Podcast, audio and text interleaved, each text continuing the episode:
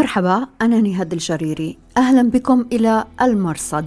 في هذا البرنامج نتابع أخبار العالم المظلم من الجهاديين إلى عالم الإنترنت المعتم والجريمة المنظمة.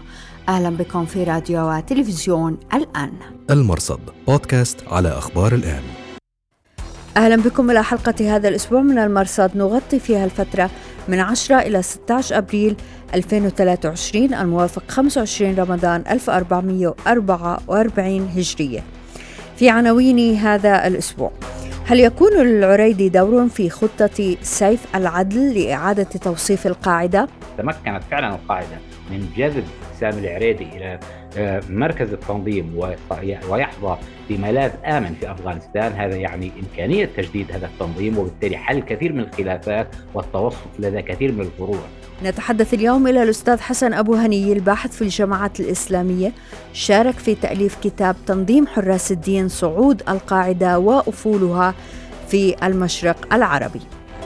فتور واضطراب في داعش بعد استنزاف شبه كلي للجهة الحاكمة فيه. منشق عن هيئة تحرير الشام يكشف عن تسونامي الفساد القضائي. للتواصل مع البرنامج يرجى الكتابة إلى نهاد جريري على تويتر وتليجرام وفيسبوك أو ترك رسالة في زاوية التعليق على رابط هذه الحلقة. وبإمكانكم الرجوع إلى نص هذه الحلقة في أخبار الآن دوت نت. المرصد بودكاست على أخبار الآن.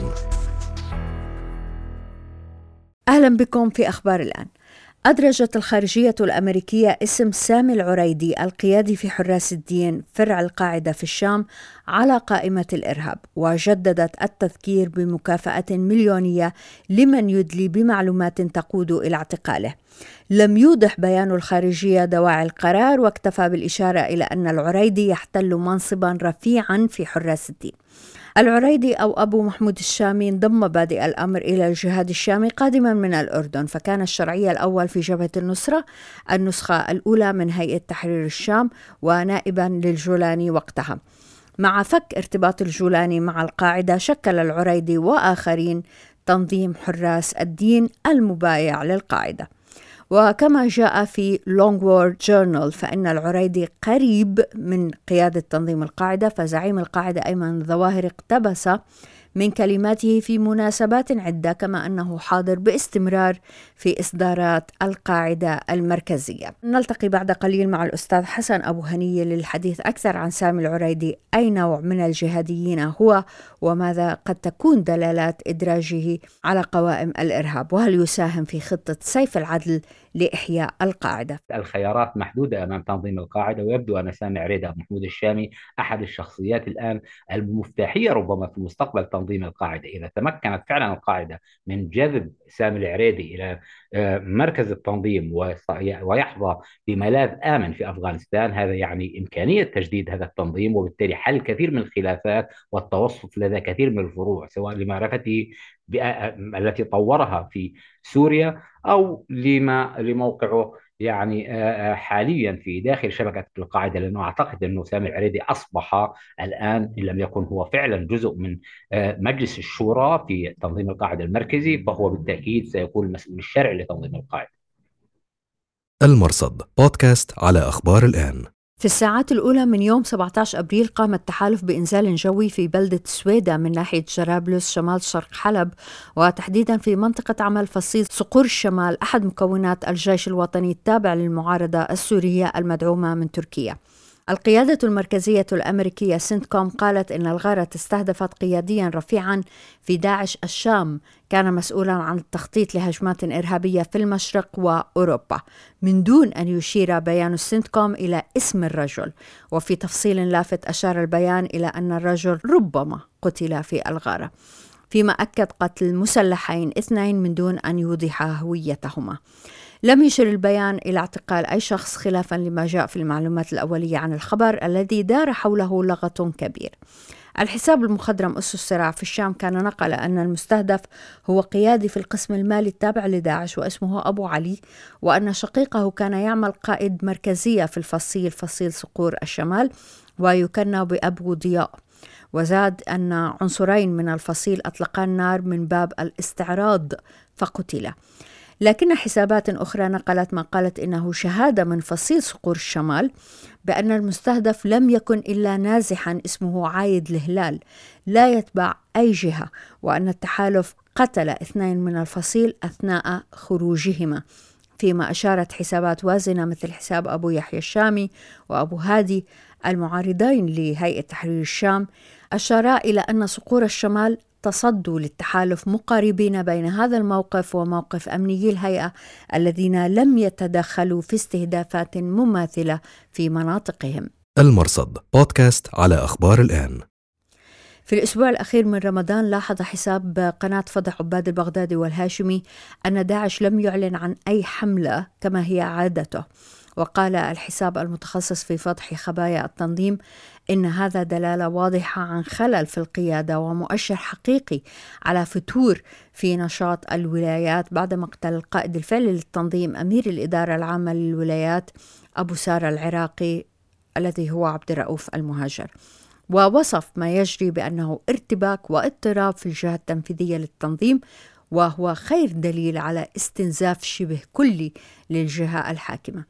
الحساب ذكر أنه في رمضان الماضي مثلا نشر التنظيم يوميات مقاتليه في الشهر الفضيل وأعلن عن غزوة الثأر للشيخين عبد الله قرداش وأبو حمزة المهاجر.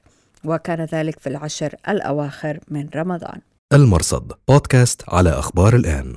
احتفى أنصار القاعدة بإصدار جديد من فرع التنظيم في اليمن مجموعة صور في فيديو توثق يوميات مقاتلي التنظيم واعتبروا أن هذا المنتج يأتي بالرغم من الخسارة التي مني بها التنظيم بقتل مسؤول الإعلام فيه حمد التميمي الدكتورة إليزابيث كاندل الخبيرة في شأن القاعدة في اليمن لاحظت أن الإنتاج هذا هو بالفعل أسلوب جديد وتساءلت هل تسعى القاعدة في اليمن إلى استقطاب مجندين جدد؟ لكن حساب أنباء جاسم الذي ينشر بين الفينة والأخرى وثائق سرية وأنباء خاصة عن الجهاديين قال إن هذا تصرف غريب من اللجنة الإعلامية في التنظيم متوعدا بكشف السبب وراء ذلك وملمحا إلى أن للأمر علاقة بفساد مالي وإداري. وزاد أن خليفة التميمي يحاول أن يرفع من المعنويات في ظل الصعوبات المادية التي يواجهها التنظيم لأنه يعلم أن من القيادات وأبناء القيادات من يتمتع بالرفاهية الحقيقية والأملاك بينما الأفراد يعانون. في موقع أخبار الآن ملف كتبه الصحفي عاصم الصبري عن الصراع الطبقي والمالي داخل تنظيم القاعدة في اليمن. المرصد بودكاست على أخبار الآن. ولفت هذا الأسبوع منشور يستذكر أبو هاجر الحضرمي الذي وصف بأنه مجاهد وشاعر في قاعدة اليمن. آه، كان الرجل قتل في آه، غارة بطائرة من دون طيار في المكلا في 23 رمضان 1436 هجرية الموافق 10 يوليو 2015 ميلادية ما يلفت هو أن زعيم تنظيم القاعدة السابق قاسم الريمي اتهم بترتيب اغتيال أبو هاجر. آه، أبو هاجر كان موضوع حديث ضيفنا في الحلقة الماضية من هذا البرنامج آه، وكان ضابط في مكافحة الإرهاب في المكلا. وهذا ما قاله عن أبو هاجر منشد التنظيم وقد عدلنا صوته لسلامته. فنذكر عندما كان ناصر قاسم الريمي يسكن في منزل مواطن من مجاهدين القدامى الذين كانوا في العراق وكان صديق له. قريب في منطقة ديس المكلا قريب من مسجد الشهداء وكان وقتها تقريبا شهر رمضان. كان وقتها غالب باقي عيطي المدعو أبو هاجر الحضرمي منشد تنظيم القاعدة معتكف في مسجد الشهداء. مسجد الشهداء هذا الذي خطب فيه المسجد الوحيد الذي خطب فيه خالد بطرفي وهو مسجد معروف. كان يرسل لعناصر العراق وأفغانستان للجهاد وهكذا.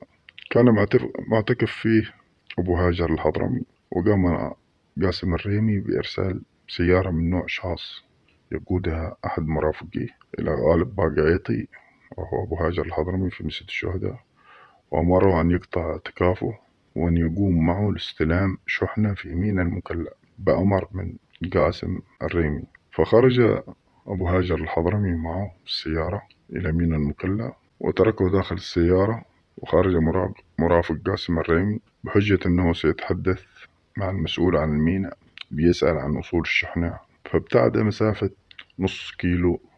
تفاجأنا بطائرة بدون طيار تقصف السيارة التي فيها أبو هاجر الحضرمي وتم قتله. بعد تأكدنا أن أبو هاجر الحضرمي هو من المقربين من ناصر الوحيشي. وتحدث لبعض العناصر في المسجد. أنه متأكد أن قاسم الريمي هو من قام بتصفية ناصر الوحيشي وأن له ذراع وأنه يعمل ضد التنظيم. فتخلص منه قاسم الريمي. بإمكانكم إذا الرجوع إلى المقابلة كاملة في الحلقة 187 من هذا البرنامج. المرصد بودكاست على أخبار الآن. هذا الأسبوع كتب أبو العلاء الشامي وهو منشق عن هيئة تحرير الشام عن تسونامي الفساد القضائي في الهيئة. أبو العلاء كان مسؤول المتابعة والعلاقات في الهيئة وكشف عن اتفاق سري بين ما يسمى مكتب الشكاوى العام الذي يديره أبو مريا القحطاني ووزارة العدل التابعة للهيئة. وهذا الاتفاق كان بتاريخ 14 أغسطس 2022 يتم بموجبه سحب أي قضية من أي محكمة في أي درجة من درجات التقاضي بوصفها شائكة أو مستعصية أو مؤثرة على المجتمع سلبا أو إيجابا أو متعلقة بالموظفين الكبار قضاة ومحققين ورؤساء نيابة أو الفساد المالي وإصدار الحكم بنفسه عليها. أي أبو مريا القحطاني يصدر الحكم في هذه القضايا. بموجب هذا الاتفاق يتم أيضا الاستدعاء والاعتقال الأمني مباشرة خارج القضاء لأي شخص وإنفاذ الأحكام التي يصدرها أبو مريا على أنها أحكام محكمة الاستئناف. يعلق أبو العلاء لسان حال أبو مريا ومن وراءه أميره الجولاني مخاطبا قضاة الهيئة جميعا هذه أحكامكم لا تساوي الحبر الذي كتبت به. المرصد بودكاست على أخبار الآن. أهلا بكم دائما في أخبار الآن. إذا الخارجية الأمريكية تدرج اسم سامي العريدي عضو مجلس شورى حراس الدين فرع القاعدة في الشام على قوائم الإرهاب وتذكر بمكافأة مليونية لمن يدلي بمعلومات عنه. ماذا يعني هذا؟ نرحب بالأستاذ حسن أبو هنية الباحث في الجماعات الإسلامية. له كتب وأبحاث مهمة في الجهادية والفكر الديني في المنطقة منها كتاب تنظيم الدولة الإسلامية الأزمة السنية والصراع على الجهادية العالمية بالاشتراك مع الدكتور محمد أبو رمان. وله كتاب السلفية الجهادية في الأردن بعد مقتل الزرقاوي. وأخيرا كتاب تنظيم حراس الدين صعود القاعدة وأفولها في المشرق العربي أيضا بالاشتراك مع الدكتور أبو رمان. شكرا جزيلا لوجودك معنا في البرنامج. أستاذ حسن كل سنة وأنت سالم شكرا على الدعوة شكرا أستاذ حسن هل فاجأك الإعلان الأمريكي؟ لماذا الآن؟ هو هذا فقط إعادة تحديث للبيانات لأنه الولايات المتحدة الأمريكية بنعرف في سبتمبر 2019 أدرجت حراس الدين كمنظمة إرهابية وأدرجت ثلاث شخصيات من قادة حراس الدين آنذاك وهم آه، سمير حجازي آه، أبو همام آه، الشامي وكذلك عبد الكريم مصري وسامي العريدي المسؤول الشرعي لحراس الدين ثم جددته في 2020 ثم لاحقا حديثا قبل أيام أعادت التأكيد على آه، وضع سامي العريدي على برنامج المكافآت من أجل العدالة وضعت آه، أكدت ما كانت ذكرته منذ 2000 سبتمبر 2019 بكأنه كشخصية إرهابية مطلوبة. أعتقد هذا جزء من تحديث البيانات وربما يرتبط بظروف جديدة يعني لم أفاجأ كثيرا لأنه أعتقد بأنه الأمر لا يرتبط بسوريا. نعلم أن تنظيم حراس الدين. قد شهد منذ بروزه 2018 بمقتل معظم القيادات الميدانية منهم خالد العروري أبو قسام أبو جليبيب وإياد الطباسي وكذلك مجموعة كبيرة من القيادات. وبالتالي أعتقد بأنه ما حدث أن هناك تطور ربما الولايات المتحدة الأمريكية لم تذكر شيء كافي. عن سامي العريدي إعادة نفس البيانات التي ذكرتها 2019 لكن أعتقد ما هو جديد هو ما يحدث في القاعدة المركزي بالتالي قضية العريدي مرتبطة في سوريا مرتبطة بالتنظيم المركزي. نعلم أن هناك معلومات تؤكدها مصادر أمريكية بأن سيف العدل قد تولى قيادة التنظيم في خراسان وهذا يعني بأنه سيف العدل بحاجة إلى قائد شرعي. هناك نزيف كبير في القيادات الشرعية في تنظيم القاعدة ويريد هناك قيادات كبيرة. نعلم أن سامي العريدي كان آه، مطلع وجزء من لجنة حطين اللي هي مهتمة في بلاد الشام للقاعدة وكان سيف العدل زعيم هذا يعني كان مكلف بهذا الملف والآن بعد أن أصبح القائد الفعلي للتنظيم هو بحاجة لقائد شرعي. كل القيادات الشرعية للقاعدة التنظيم المركزي قد قتلوا آه، وبالتالي سامي العريدي الآن مهم بشكل كبير وقد يتم نقله إذا لم يكن قد تم نقله فعلا إلى أفغانستان وبالتالي أعتقد الولايات الأمريكية ربما قد أخفت هذا الجانب لأنه لم تذكر يعني سمير حجازي قائد التنظيم حراس الدين ولا عبد الكريم مصري وهذا يعني بأن المسألة الشرعية الآن هي مهمة جدا بالنسبة للولايات المتحدة الأمريكية لأنها تت يعني آه، تخشى من إعادة بناء تنظيم القاعدة في أفغانستان مع القيادة الجديدة. مهم جدا هذا الكلام حقيقة أستاذ حسن آه، لأن السؤال التالي هو لماذا العريدي مهم؟ العريدي ليس جهاديا مخضرما ليس من مجاهدي أفغانستان تاريخ الجهاد قصير نسبيا كيف نفهم هذا الكلام إذا آه، بالنظر إلى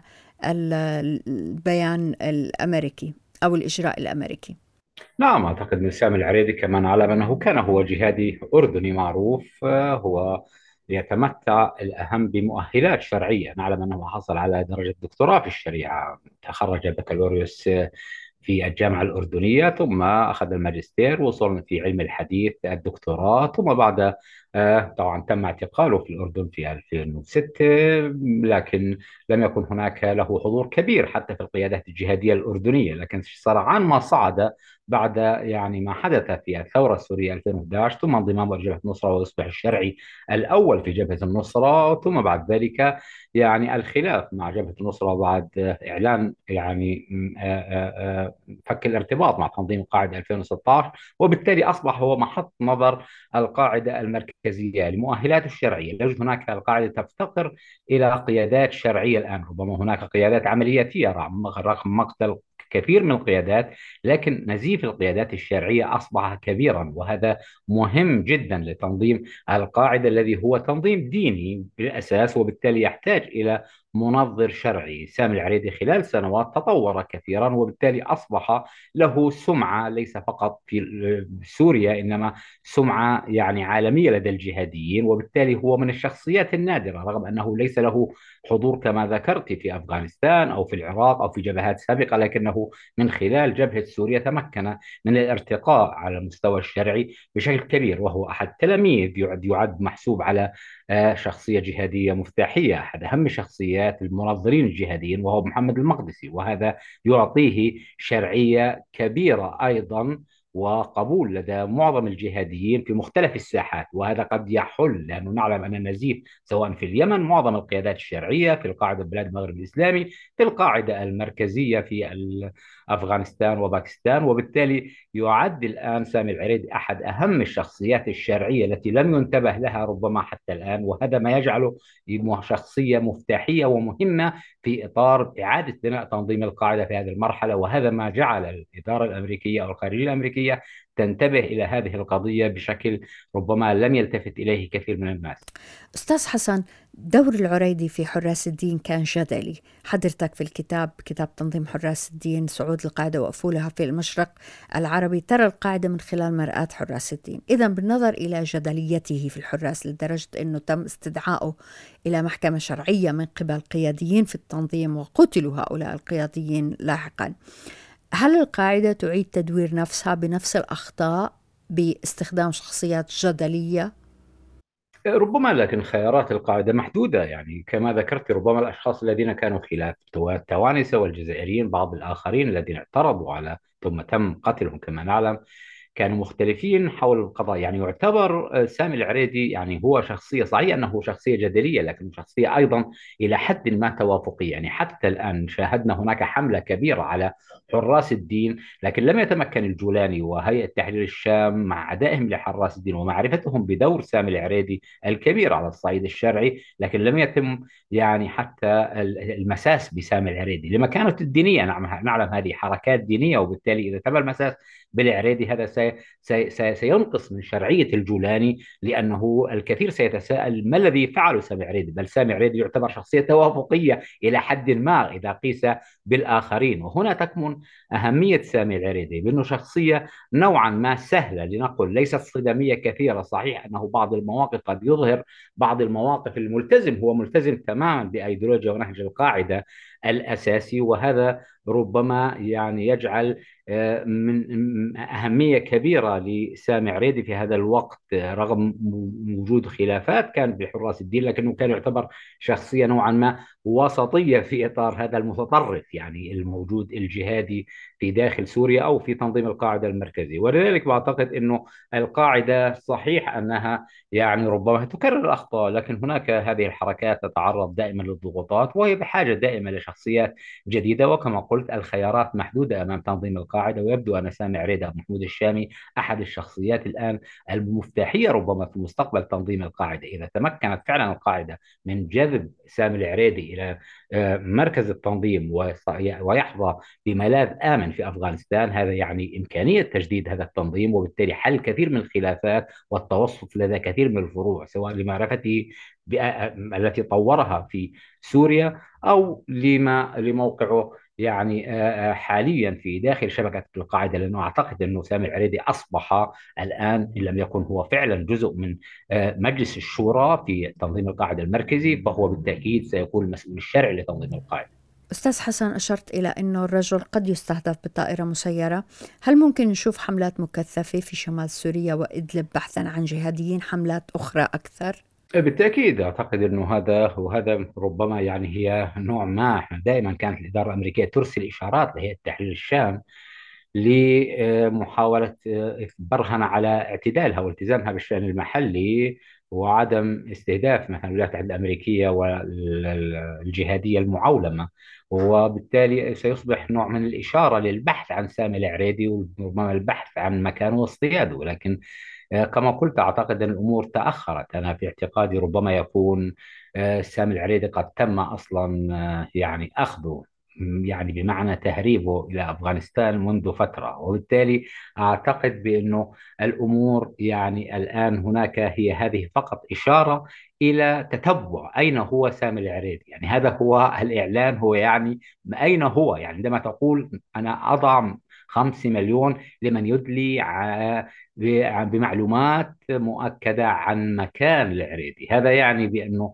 مكان العريدي غير معروف حتى الآن هناك شكوك بدأت لدى الولايات المتحدة الأمريكية أن يكون قد ذهب عن طريق نعرف الطرق التقليدية آه، إلى مكان وغالبا ما يكون أفغانستان. وبالتالي هذه المرحلة هي مرحلة مهمة جدا لتتبع يعني سامي العريدي وبالتالي أعتقد هي تحرير الشام ستنشط وربما نشطت لهذا الغرض لأنه فعلا تم هذا العام يعني تم أمريكا باستمرار تعمل على تجديد هذه العمليات ومحاولة البحث عن قيادة مدنية كما حدث مع بصار العراقي عبد الرؤوف وغيره مؤخرا لأنه واضح بأن هناك يعني تواصل أو اتصالات بين القاعدة المركزية وقيادة حراس الدين أو من تبقى منهم وخصوصا سامي العريدي أي نوع من الجهاديين كان العريدي أستاذ حسن؟ سمعت مرة أنه كان رجل فظ. أي نوع من الرجال كان؟ لا لا هو بالعكس يعني هو يعني آه، لم يكن معروفا بالفظاظة. يعني سامي العريدي كان يعتبر لم يكن أحد يأخذ على محمل الجد لنقل. يعني هو كان قريبا سلفيا توافقيا يعني يستطيع أن يندمج بين السلفية الوهابية والسلفية القطبية الإخوانية وبالتالي كان قريب من الإخوان المسلمين قريب من الجهاديين. وبالتالي يعني لا يحاول أن يثير خصومات كثيرة. يعني دخل هو آه، نعلم كان في مرحلة ما قريب من السلفية التقليدية أيضا يعني مع الشيخ ناصر الدين الألباني وكان هناك جلسات وبعد ذلك لكن أخذ خط أكاديمي يعني دخل في بنى نفسه بناء عصاميا كان إماما ثم يعني بدأ درس الشريعة تخصص في علم الحديث وأخذ الدكتوراه وكان لم يكن هناك يثير جلبة كبيرة بمعنى لم يكن يثير قضايا تبعث على ال آه، آه، آه، يعني إثارة أي شيء غريب. وبالتالي لم يكن يلتفت له يعني لم يكن يصنف حتى كقيادي داخل الجهادية الأردنية على الإطلاق. كان يعتبر شخص ملتبس إن بمعنى أنه أقرب إلى الإخوان أقرب إلى السلفية أقرب إلى السلفية التقليدية أحيانا لكن هو الحقيقة التبدل الكبير حدث بعد 2011 بعد ذهابه إلى سوريا بشكل أكبر. الأردن لم يكن له تاريخ واضح وملفت للنظر كثيرا سواء في إثارة بعض المشاكل أو يعني التميز الكبير على الصعيد الشرعي. كان ملتزم ب عندما ذهب إلى سوريا بمرجعية المقدسي بشكل أساسي بمعنى ونعلم أنه حراس الدين كان هناك دائما جدال بين مرجعيتين مرجعية أبو محمد المقدسي ومرجعية القاعدة وتحديدا عطية الله الليبي. ولكن نعلم أن الرجل حتى كان يعني آه، يحاول أن يقيم صلات حتى مع عطية الليبي قبل أن يقتل طبعا 2011 ولكن آه، هو شخصية يعتبر توافقية ليست شخصية صدامية مع الأشخاص لكن أحيانا هو يتطلب. ولذلك حتى عندما تم الانفصال يعني هيئة تحرير الشام آه، في 2018 لم تتم استشارته. هو ذكر كتب ذلك بشكل واضح وصريح بمعنى لم يكن يعني كان الجميع يعتبر إنه شخص سهل والبسيط وبالتالي لا يجوز إثارته ويتمتع بنوع من المصداقية لدى الكوادر العادية الناس العاديين. هذه خطورة ربما تكون سامي العريدي إنه هو لا يتمتع بهذه الكاريزما الكبيرة والظهور ولكن شخص خفي لا يترك لخصومه ربما يعني هناك أي شيء لاستهدافه. وهذا يعني يجعله خطيرا لأنه فعلا يستطيع أن ينفذ بين كل هذه الأشياء ويبحث عن ملاذات آمنة في نقاط حتى لو اختلف يظهر خلافه. إذا شاهدنا كل الرسائل التي كتبتها في خلافه مع هيئة تحرير الشام مع الجولاني تجده دائما يتكلم بطابع النصيحة أنه لم يكن أنه يعني يبحث عن حلول. هذا هو أعتقد يعني عنصر قوة العريدي وليس بالذات في هذا الوقت إنه كان عملية وبالتالي عملية استهدافه كما قلت الجولاني في أوج استهداف حراس الدين عندما كان يخشى عندما بلغت سطوة يعني حراس الدين في 2020 وصل أكثر من 5000 مقاتل وكان يخشى